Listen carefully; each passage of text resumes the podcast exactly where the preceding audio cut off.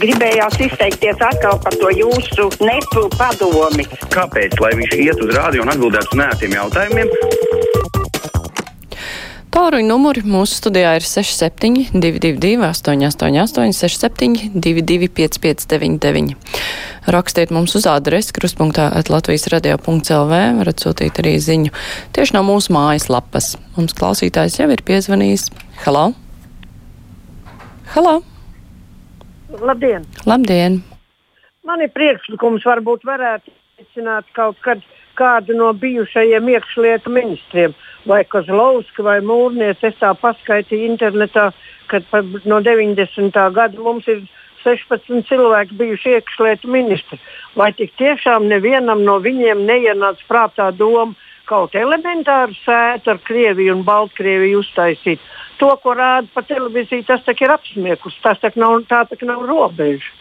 Kaut vai divmetrīgi būtu. Lai pastāstītu, ka Zvaigznes pirms tam bija mūrnieks, par godu god manis ir bijis kādu brīdiņu. Man tāds priekšlikums. Jā, paldies. Jā, labi, paldies. jā, paldies.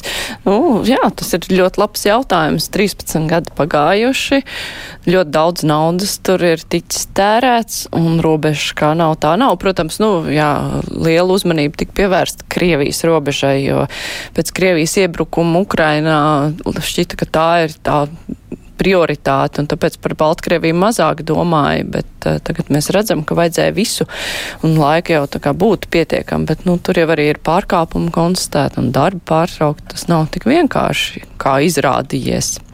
Klausītājs Vana, halā! Labdien! Labdien! Es vēlējos tādu. Latvijā katastrofāli trūkst mediķu, bet pašlaik 50, kas beiguši sešu gadu mācības, nevar iekļūt valsts organizētā rezidentūrā, kad prasot divus miljonus eiro. Taču Kariņa valdība organizē 10 miljonu eiro piemaksai vieglo automašīnu ar elektrību pircējiem, kas tās iegādāsies. Es aicinu analizēt šo ārprātu. Vai min, divi miljoni topošiem ārstiem vai desmit miljoni bagātniekiem, kas tās automašīnas taisās iegādāties? Jā, tas arī ir ļoti labs jautājums par rezidentiem un rezidentu finansēšanu. ir bieži runāts, jā, kāds absurds, ka, ka ir cilvēki, kuriem vēl pašiem ir jāpiemaksā par to, ka viņi strādā faktiski strādā Latvijā par ārstiem. Klausītāja Alīna vaicā, vai Aivaram šodien ļaus runāt, cik ilgi šie nebeidzamie jautājumi katra brīvā mikrofona sākumā, veiksmi darbā. Tā mums Alīna raksta. Paldies, Alīna. Es nezinu par Aivaru. Redzēs, kā būs. Klausītājs Zante bija ļoti neapmierināta par to, ka, uh, ka, ka vispār tāds Aivars tiek tik bieži pie mikrofonu sabiedriskajā radio. Viņi uzskata, ka nezinu, vai Eiropā ir vēl kāds sabiedriskais radio, kur viens, kā viņi raksta, naida kurinātājs tik bieži tiek pie vārda kā Latvijā. Un uh, es aizrāda man, ka es klusēju un ļauju šos naida runas plūdus radio ēterā. Žēl. Nu, jā, ja nelaiž, tad ir sūdzības par to, ka mūsu brīvais mikrofons nav nemaz tik brīvs. Nu, tāpēc mēs cenšamies tā pārāk bieži nelaist viens un tos pašus cilvēkus ēterā.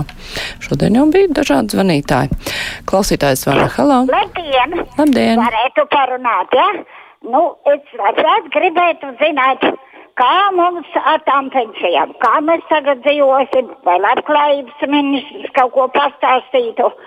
Nu, nu, smagi mums iet. Mums kā pensionāriem ne, nu, pavastēšana, diemžēl. Jā, kaut ko dzirdēt vajadzētu. Jā, paldies! Mēs aicināsim kādā raidījumā arī labklājības ministru un runāsim noteikti par pensijām. Arī jūs varēsiet zvanīt un uzdot, jums būs kāds konkrēts jautājums. Klausītāja Vita raksta. Noskatījos vakar aizliegto paņēmienu un saprotu, ka Latvijā vajadzēja obligāto vakcinēšanos atsevišķās nozarēs, jo izrādās Rimi pārdevēja vēl gaida, un pasta darbinieki tāpat cer izsprukt cauri mums līdz Dānijas līmenim vēl augt un augt. Tā raksta klausītāja Vita. Bet es ceļu klausuli. Halo! Labdien! Labdien! Nu, diemžēl ir daudz klausītāju, tādu, kas raksta un zvana. Nevis pateikt par tēmu, bet lai izteiktos par kādu zvanītāju vai rakstītāju. Nu, diemžēl arī šoreiz es ne, nedabūju izteikties par tēmu, bet dabūju nosodīt tos. Bet ne par to, tā, par to, par to robežu. Ja? Viņi nosauc pareizos uzvārdus. Nevajag domāt, ka tā ir muļķība. Tā ir tīra ļaunprātība, ka robeža netika būvēta. Tas bija Maskavas pasūtījums. Uh -huh. Paldies par viedokli.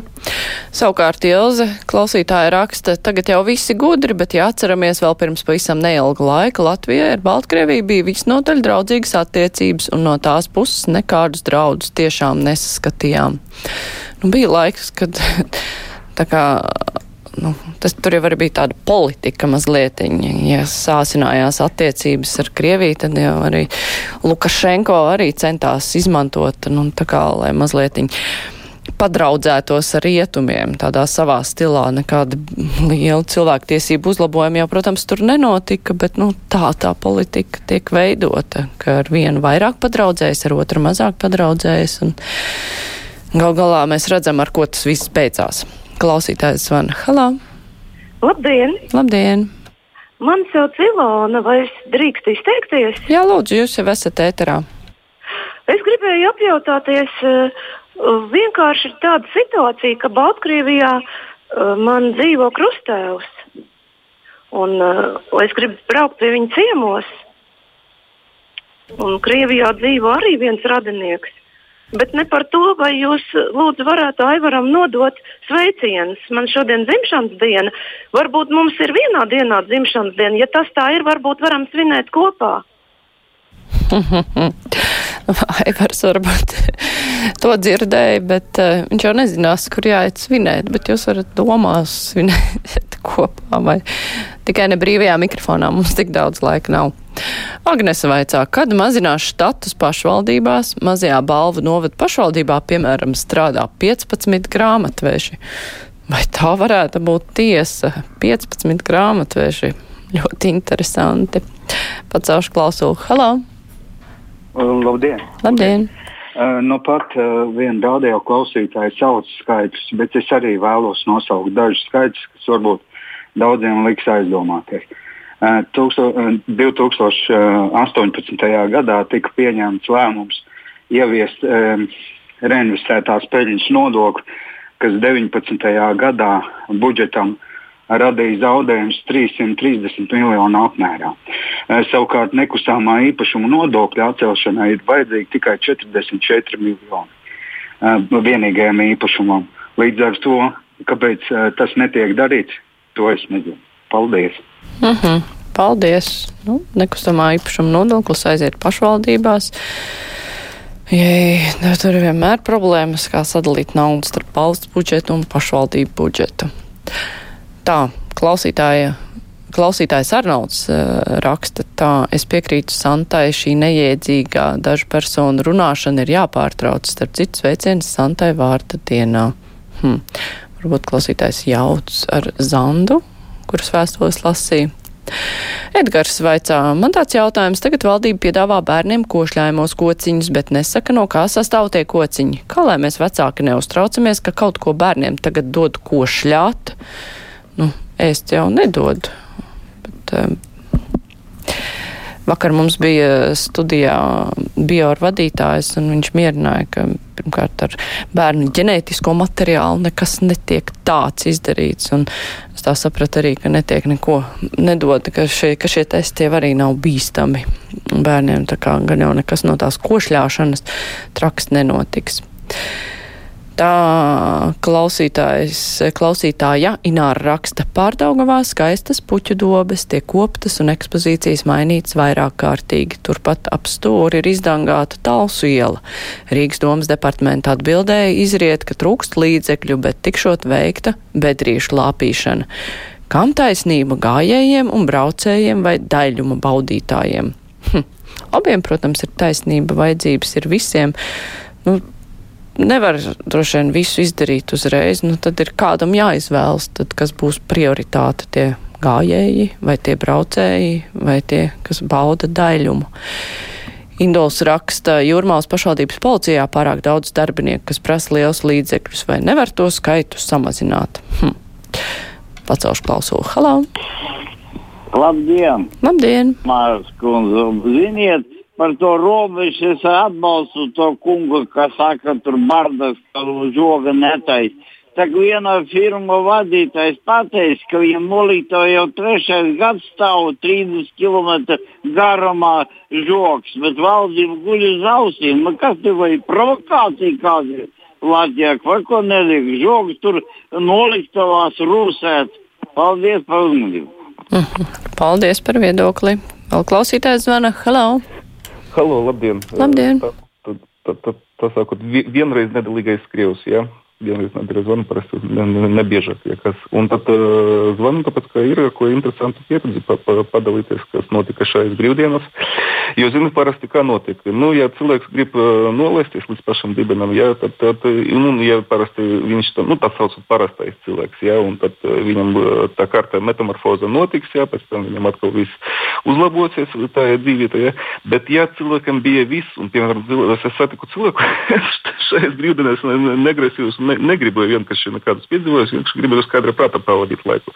Bet uz ielas satiku cilvēku, kur, kur, kuram pēc tam izrādās, ka viņam, eh, viņš ir it kā bijušais miljonārs, viņam it kā viss bija, tagad viņš visu pazaudēja, un tad rodas jautājums, kas ir sliktāk? Ja tev bija viss, un tu biji kādreiz uh, bagāts un ietekmīgs cilvēks, ietekmīgs cilvēks, un tagad tu pazaudēji visu, vai tu nebija nekas, un tad arī nav ko zaudēt. Tas ļoti dziļi un ļoti skumji, kas ar to cilvēku tālāk notika, kad viņam, viņš nav nevienam ikdienu vajadzīgs.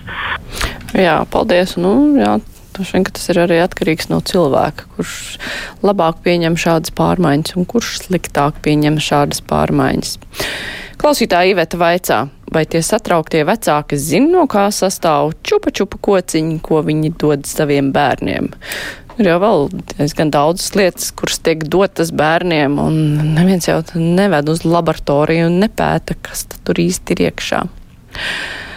Tā, lieciet mierā tos pastāvīgos zvanītājus, raksta klausītājs Miks. Vismaz ir jautrība ēterā, uztveru to kā šovu. Nu, var to uztvert kā šovu, bet var arī interesanti uzzināt, ko cilvēki domā. Artošs raksta, ka viņš ir dzīvojis burbulī, kur viss ir potēti, novēroja visiem vienu komplikāciju. Visiem potētajiem ir milzīga neiecietība pret antivakseriem. Es gan to nesmu ievērojis. Protams, ir kāds, kuram ir neiecietība, un tas droši vien ir labāk pamanāms, bet nu ne jau nu visi galu galā.